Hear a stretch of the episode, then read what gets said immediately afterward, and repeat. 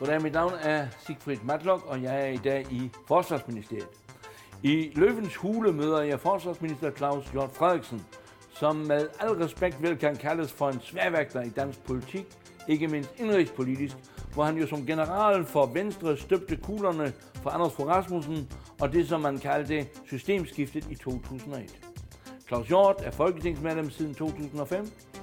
Fra 2001 til 2009 var han beskæftigelsesminister i regeringen få, og i regeringen under Lars Lykke overtog han posten som finansminister i to omgange, først fra 2009 til 2011, og så igen fra 2015 til november 2016.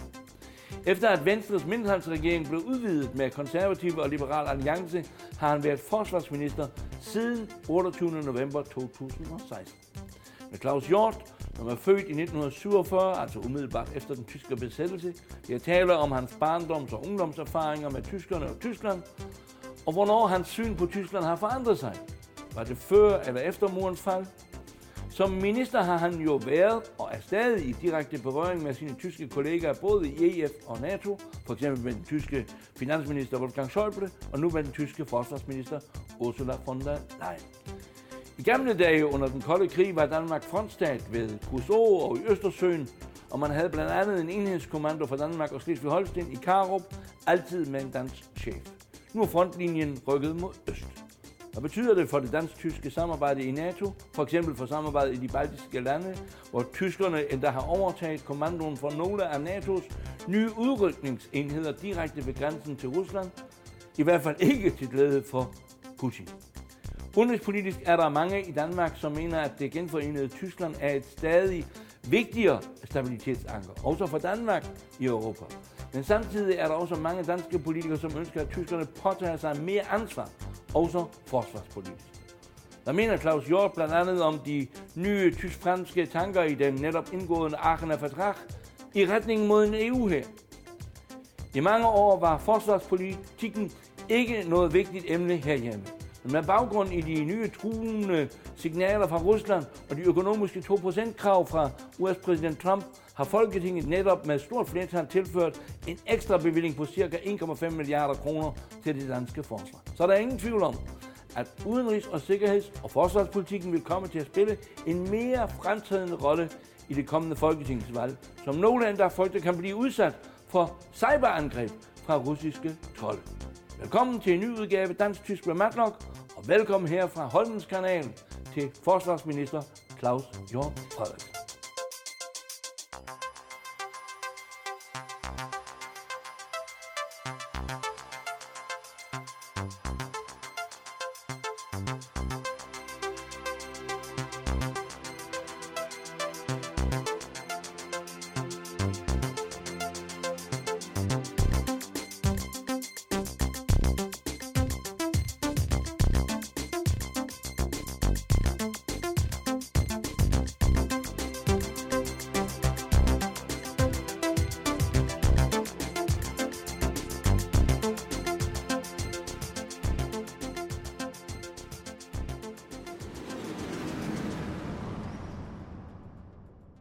Claus Hjort, du er født 1947, altså et efterkrigsbarn. Har du ændringer om, øh, hvordan forholdet var til tyskerne og, og Tyskland efter krigen?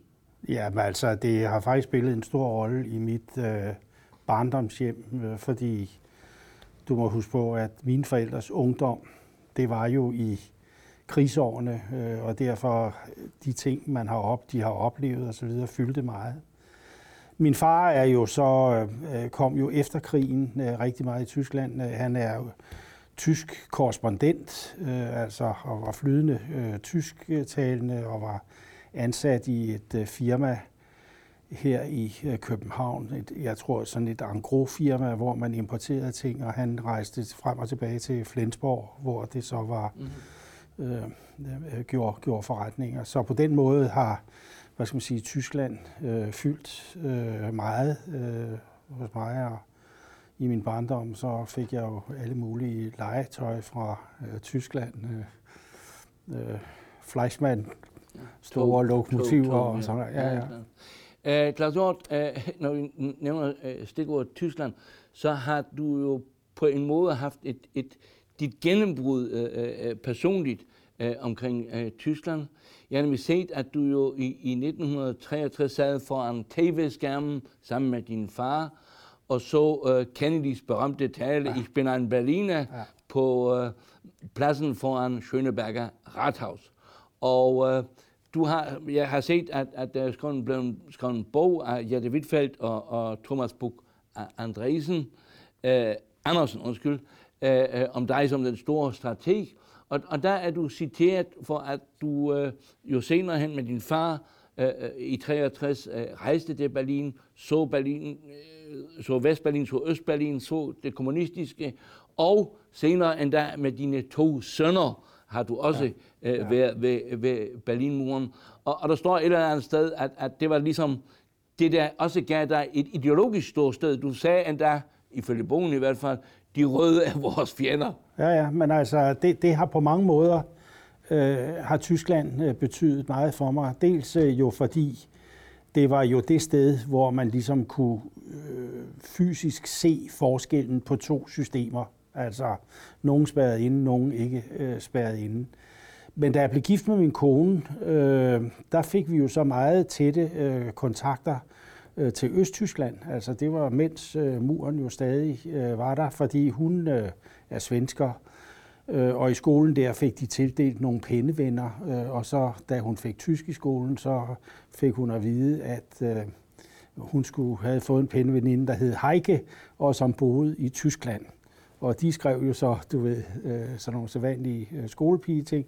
Øh, men så en dag, øh, så skrev min kone til hende, at hun syntes, hun skulle komme til Malmø, fordi hun ville rigtig gerne vise en øh, Malmø.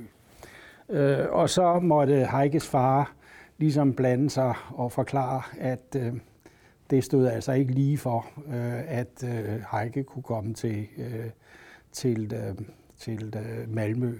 Men vi har jo så i hele vores øh, ægteskab jo haft kontakt med Horst og Heike, øh, som boede nord for øh, Berlin. Øh, og vi besøgte dem jo så i, i, øh, altså i, i kommunisternes øh, tid. Og derfor har jeg fået sådan en meget... Det fik man lov til? Ja, ja. Altså, vi øh, tog jo ind øh, og besøgte dem. Og den historie, som Heike og Horst øh, har, har gjort et usletteligt indtryk på mig. Øh, de flyttede på et tidspunkt øh, til, ind i en stor villa, som de købte.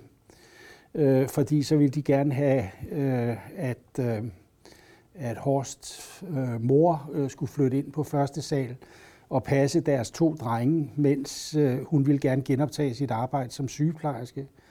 Men der fik de så at vide, at der stod andre i boligkøen øh, før øh, hans mor, og så flyttede en Stasi-kaptajn ind på første sal i deres bolig. Så de har i deres villa i altså siden 70'erne haft en øh, Stasi-kaptajn boende ovenpå, og det, når du så kommer i das det... Leben des anderen. Ja, præcis. Øh, og øh, øh, når vi var der, så kunne vi jo ikke sidde og snakke om, hvordan det var. Øh, så vi måtte jo ud i skoven og gå ture, og de sådan kunne fortælle det. Og det er jo sådan nogle ting, som altså øh, indprænder sig øh, hos en, og derfor øh, har, har jeg altid haft en stor interesse for, for Tyskland. Altså jeg vil lige sige, pers- personligt har jeg oplevet følgende som, som skoleelev. Øh, øh, da jeg gik på en dansk skole i, i Flensborg, der sendte jeg i protest mod kommunismen et brev til Walter Ulbricht. Okay. Og fik et venligt svar fra Walter okay, Ulbricht. Okay. Men vi ved jo udmærket, hvem der, hvem ja, der ja. stod bagved. Der, Ja, ja. der, dengang havde man også trolde allerede Ja, ja. på det tidspunkt.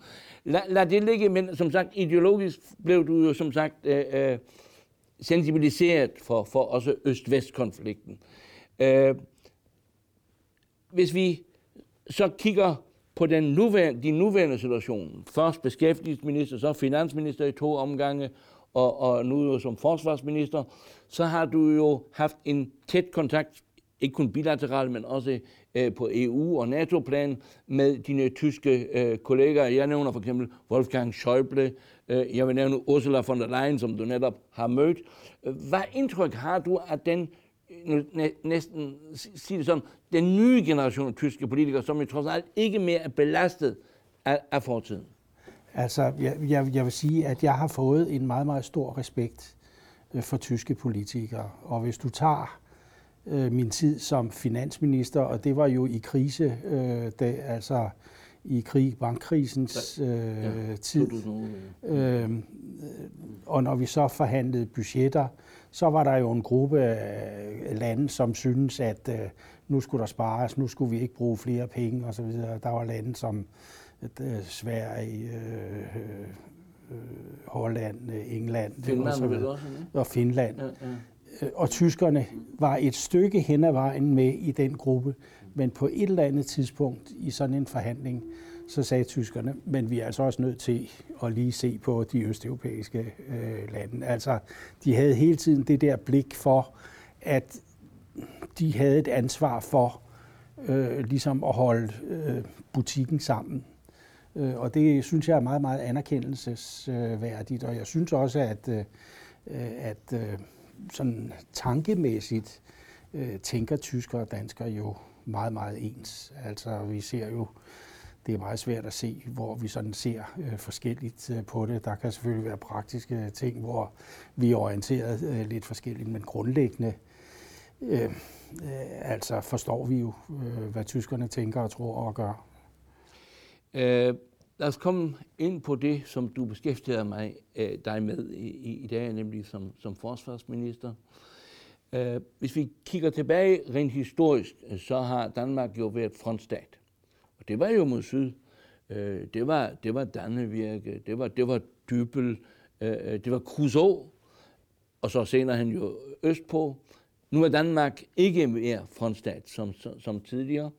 Og, og det har jo også afledt, afledt nogle virkninger i det dansk-tyske samarbejde. Hvis jeg sådan tænker på, øh, Øh, den store forandring i det dansk-tyske forhold var jo 55, den meget statsmandsagtige præstation, som H.C. Hansen lavede med Bonn københavn i forbindelse med NATO-medlemskabet. Men, men dengang havde man jo ah, 10 år senere, 62, jo de første tyske soldater, der kom over grænsen. Jeg har selv oplevet, hvordan øh, mest kommunistiske demonstranter lagde sig på gaden øh, i Kruså foran de første vogne øh, øh fra, fra biler fra, fra Bundeswehr. Det kan jeg huske endnu. Og, og øh, der var også et tæt samarbejde. Der var Karup, der var Rensborg, altså både luftvåben og, og, og, og, og, og jo også her. Marine selvfølgelig også. Og øh, det der tætte samarbejde, øh, det er så blevet forandret øh, jo efter murens fald, kan man sige. Øh, Danmark har ført en meget sidenhen jo en, en aktivistisk udenrigs- og sikkerhedspolitik. Danmark har, har øh, sendt øh, soldater i udlandet, hvor tyskerne jo var øh, bange og nervøs på, på baggrund af, af historiens fortid.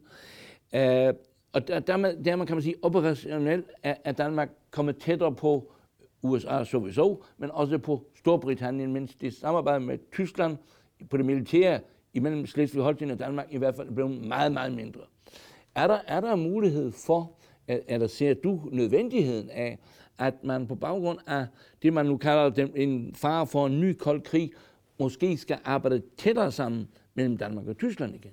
Ja, det spor er jo øh, lagt ud med et øh, tættere øh, samarbejde. Vi har det på flåden, øh, arbejder jo øh, tæt sammen, men jo også øh, her og, og, og luftvåben. Og det er jo rigtigt din observation, at øh, Danmark er jo heller ikke frontlinjestat i NATO mere. Nu er fronten jo i de, mellem de baltiske lande øh, og, og, og Rusland og derfor er det danske militærs rolle jo også øh, ændret. Men jeg er jo nødt til at sige, altså, øh, da muren faldt i 89 og Sovjetunionen brød sammen i 91, øh, der troede alle jo, at øh, nu var freden kommet til Europa, og vi skulle aldrig opleve krig øh. Nogle gentog Chamberlains Peace in Our Time. Og, det var, og, og, og der skete en ændring af det danske forsvar. For fra at være et, hvad skal man sige, territorialbaseret forsvar, så scorede vi jo punkt 1 en fredsdividende, det vil sige, vi sparede på forsvarsudgifterne. Udgifterne der omkring 89, 90, 91, der betalte vi jo 2% øh, af BNP. Men vi ændrede det danske forsvar fra at være et territorialbaseret forsvar til at blive sådan et ekspeditionskorps, som kunne tage til Irak, som kunne tage til Afghanistan, som kunne tage til Afrikas horn og bekæmpe pirater og Mali og så videre. Men der i 14, 2014, øh, hvor russerne invaderede Krim øh, og startede den her krig i det østlige Ukraine, øh, der fik de fleste lande jo en øjenåbner, fordi den viste jo, at Rusland, på trods af at NATO er meget stærkere end Rusland, at Rusland er villig til at bruge militær magt til at opnå politiske formål. Og det har været en øjenåbner for de fleste øh, af os, og derfor er vi jo med det seneste forsvarsforlig, vi har lavet, jo vendt tilbage til at se på, jamen, hvordan ser det så ud i vores nærområde, forstået, øh, forstået som øh, altså Østersøregionen, de baltiske lande, Polen, Tyskland, Danmark, øh, øh Sverige, øh, Finland osv. Så, så øh, vi er jo vendt tilbage, kan man sige, til et mere baseret øh, perspektiv, og derfor behovet for et, igen et øget samarbejde øh, med, med Tyskland. Det ene er jo et, et, et, et, et grænseoverskridende øh, øh, øh, samarbejde mellem, mellem Tyskland og, og Danmark. Det andet er jo, at, at begge lande jo er engageret øh, i Baltikum. Øh, øh tyskerne har jo endda øh, øh, ikke til glæde for, for præsident Putin overtaget øh, kommandoen for en, en øh, indsatsstyrke fra, fra NATO øh, i øh, Litauen.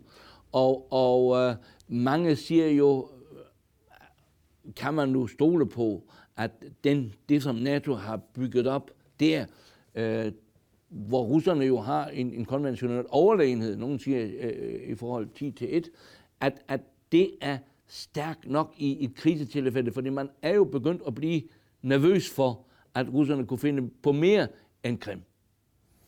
Ja, og vi er jo i Estland øh, øh, sammen med englænder og øh, øh, franskmænd og belgier jeg tror ikke, man kan sige, at vi forestiller os, at de her 4-5.000 øh, NATO-soldater, som er i de baltiske lande, øh, kan stoppe noget som helst. Men det er jo en rød linje for russerne, fordi de skal vide, at overskrider de grænsen, så er det altså ikke kun æster, letter og litauer, de møder. Så møder de altså tyskere, de møder danskere, de møder englænder. Artikel 5. Øh, lige præcis, ja, ja. og at den skal tages øh, alvorligt.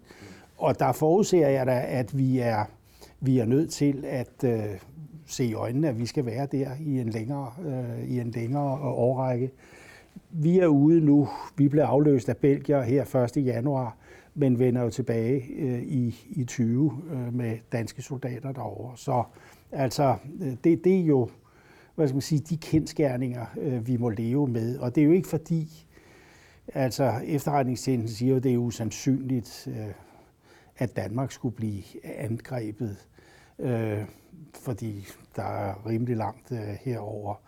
Øh, men altså risikoen for en fejl, en der opfatter en situation øh, forkert. Øh, vi ser jo danske krigsskib, der sejler der sejler til øh, Estland, øh, danske soldater og udrustning de bliver overfløjet af russiske øh, krigsfly. De bliver nogle gange låser de skibene fast på deres laser, som om de vil sende øh, Øh, missiler ned. Så øh, en eller anden dag kunne der jo være en, der sagde, gud, det er virkelighed det her, øh, og så reagerede, ikke også?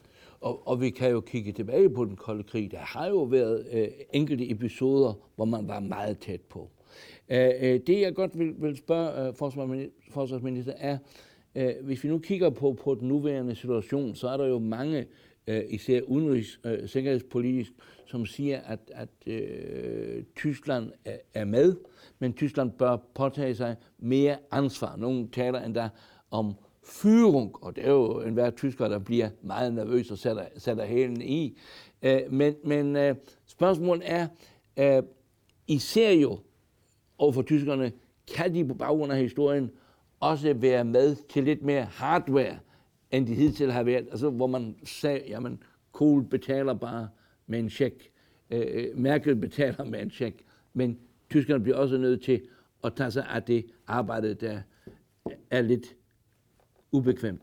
Også nationalt. Altså nu synes jeg, at Tyskland gør jo en stor øh, indsats. Tyskland er jo i Afghanistan øh, øh, og, og så videre. Så, øh, men, men det er klart, at når vi kigger på den udvikling, der er i USA, hvor Trump stiller spørgsmålstegn ved NATO-konstruktionen, stiller spørgsmålstegn ved, om vi øh, Øh, lever op til øh, betingelserne, så vil der jo efter min mening jo øh, hvile et større ansvar på Tyskland, altså øh, for at påtage sig øh, en, en form for lederskab øh, i Europa, eventuelt sammen med franskmænd, øh, men jo også meget gerne med, med, med os, os andre. Men det er jo ikke sådan, at jeg har meget klart for mig lige nu, hvordan vil jo udviklingen være. Fordi hvis du ser på den danske øh, politik øh, i dag og i morgen, så er den, at vi er medlemmer af NATO og alliancen med USA. Øh, det er hjørnestenen i vores øh, sikkerhedspolitik. Og jo også fordi vi kan jo ikke undvære den atomparaply, som amerikanerne øh, lægger øh, over Europa. Så altså den danske politik vil være øh, at gøre alt for at fastholde den meget stærke transatlantiske øh, alliance. Men det er jo også tysk politik. Altså det er jo ikke sådan, at, at, øh, at, at Tyskland fører en anden politik på det område. Nej, øh, øh, men, men det der, det som jeg tænker på, når, når, når jeg hører, hvad, hvad, hvad du siger omkring øh, dansk forsvarspolitik, øh, og kigger tilbage på den kolde krig, så var der jo et våben, isolationstegn, som danskerne havde, det var Grønland.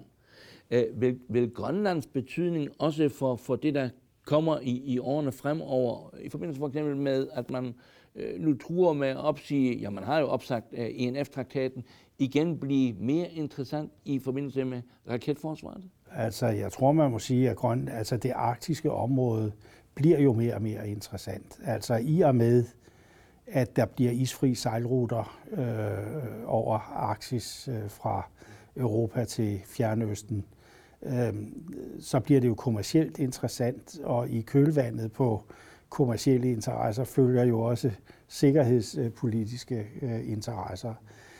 Øh, vi ser jo også, at russerne nu udbygger baser øh, langs nordkysten øh, i på, på Sibirien. Øh, det er vores øh, vurdering, og når jeg siger vores vurdering, så er det efterretningstjenestens vurdering, at de er af defensiv øh, karakter. Altså det er jo klart, at Rusland får lige pludselig en flanke deroppe, som man ikke har haft tidligere, i og med, at ingen har kunne færdes øh, i, det, øh, i det område. Men vi ser, var ubådene.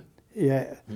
men vi ser, vi ser også, altså, at der er offensive elementer, blandt andet på øen Nagorskoye, hvor de bygger øh, store øh, baser med 2,8 km startbaner, der kan tage store bombefly og lufttankningsfly, som jo gør, at man øh, ret hurtigt øh, kan nå øh, Thule øh, radarstationen, og derfor er der et stigende fokus på det. Men vi har som overordnet politik at fastholde det arktiske område som et lavspændings, øh, lavspændingsområde, men vi tilføjer hele tiden, at vi er heller ikke naive, så vi følger altså øh, udviklingen meget nøje. Så på den måde har du jo ret, at øh, Arktis betyder mere og mere.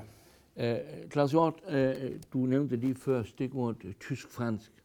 Uh, og, og det der tysk-franske har jo været en motor i det europæiske samarbejde øh, ikke helt uproblematisk i NATO. Det Gaulle trak sig jo ud af, af NATO øh, en overgang. Men nu har øh, Tyskland og Frankrig jo indgået en ny traktat, nemlig den der Aachener Vertrag, som jo øh, har mange øh, elementer, øh, hvor andre lande rykker lidt væk fra Europa, så vil Tyskland og Frankrig sammen endnu mere, uden at udelukke andre, som de siger. Meget interessant er det jo i den forbindelse, at man jo, øh, selvom man er øh, øh sammen i NATO, har, har tilsikret sig i, i, i traktaten, at hvis den ene bliver angrebet af den anden, så er der pligt til at forsvare hinanden. Altså en, en, en bilateral under den der multilaterale paraply. Øh, er det noget, som, som øh, Øh, skaber forundring eller, eller øh, bekymring i, i, i Danmark? Og, og hvordan ser du øh, øh dette nye tiltag fra Tyskland og Frankrig i retning mod en EU her? Fordi det nævner de jo faktisk. Altså det, der Øh, altså der, hvor vi ikke er med, det er jo, når man begynder at nævne en EU her. Øh, grunden til, at vi fik vores undtagelser øh, i sin tid, det var jo lige præcis den snak, der var i 70'erne og 80'erne omkring, 72, omkring en Europa her. Ja, ja, ja. Øh, og derfor øh, har jeg sagt til von der Leyen, øh, jeg har sagt til den franske øh, forsvarsminister, at øh, i en dansk sammenhæng er det meget øh, ubelejligt øh, at begynde at tale om en Europa her. Jo lige så meget fordi, hvad er det, vi forstår ved en Europa her, om man så må sige. Fordi jeg kan ikke forestille mig, at der er nogen franskmand, der ville tage til Bryssel øh, og aflevere nøglerne til det franske atomvåben. Force de frap. Øh, og, og ja. så sige, nu er det jeres, eller at øh, Tyskland ville aflevere kommandoen øh, over den tyske øh, armé.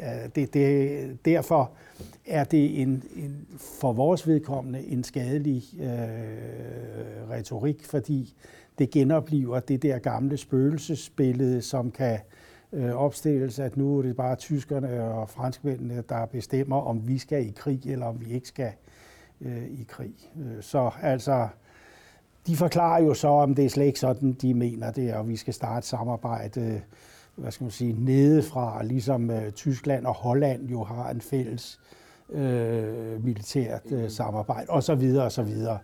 Øh, så altså, der er jo meget retorik øh, forbundet med det der, men for, lige præcis for os, og specielt altså, når man som jeg gerne vil af med vores EU-forbehold, øh, så er det altså øh, jo øh, gift øh, at få en Europa her debat ind i det.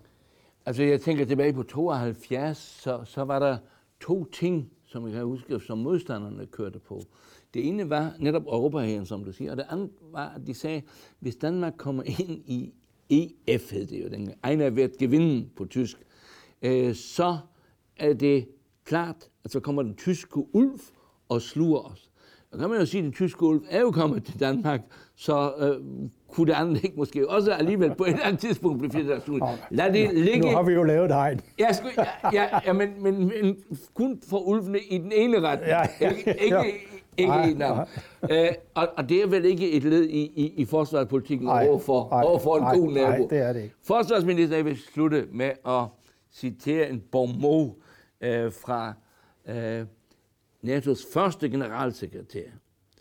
Øh, han sagde øh, om NATO, som jo nu snart fejrer 70 års jubilæum og jo har sikret os øh, frihed øh, her i Europa, i hvert fald også i, i på vores breddegrader, at øh, NATO havde en doktrin, to keep the Soviet Union out, the Americans in, and the Germans down. Den sidste, det sidste element er vel ikke så afgørende mere. Nej, det må man jo Men sige. Men de andre to er vel stadigvæk Ja, det er helt klart. Det er jeg ja. helt enig i. Det er jeg helt enig i. Men det er klart, at den angst, der har været for en, et stærkt militær i Tyskland, det er jo ikke længere øh, eksisterende, fordi Tyskland har jo bevist til fulde sin demokratiske øh, eksistensberettigelse øh, og er jo en lojal øh, samarbejdspartner. Så lige præcis den del af hans borgmo øh, passer ikke i dag. Claus Hjort, stor tak, og jeg ved øh, fra dig selv, at øh, du endda øh, kan forstå og også tale øh, tysk, så jeg tillader mig at sige vielen Dank.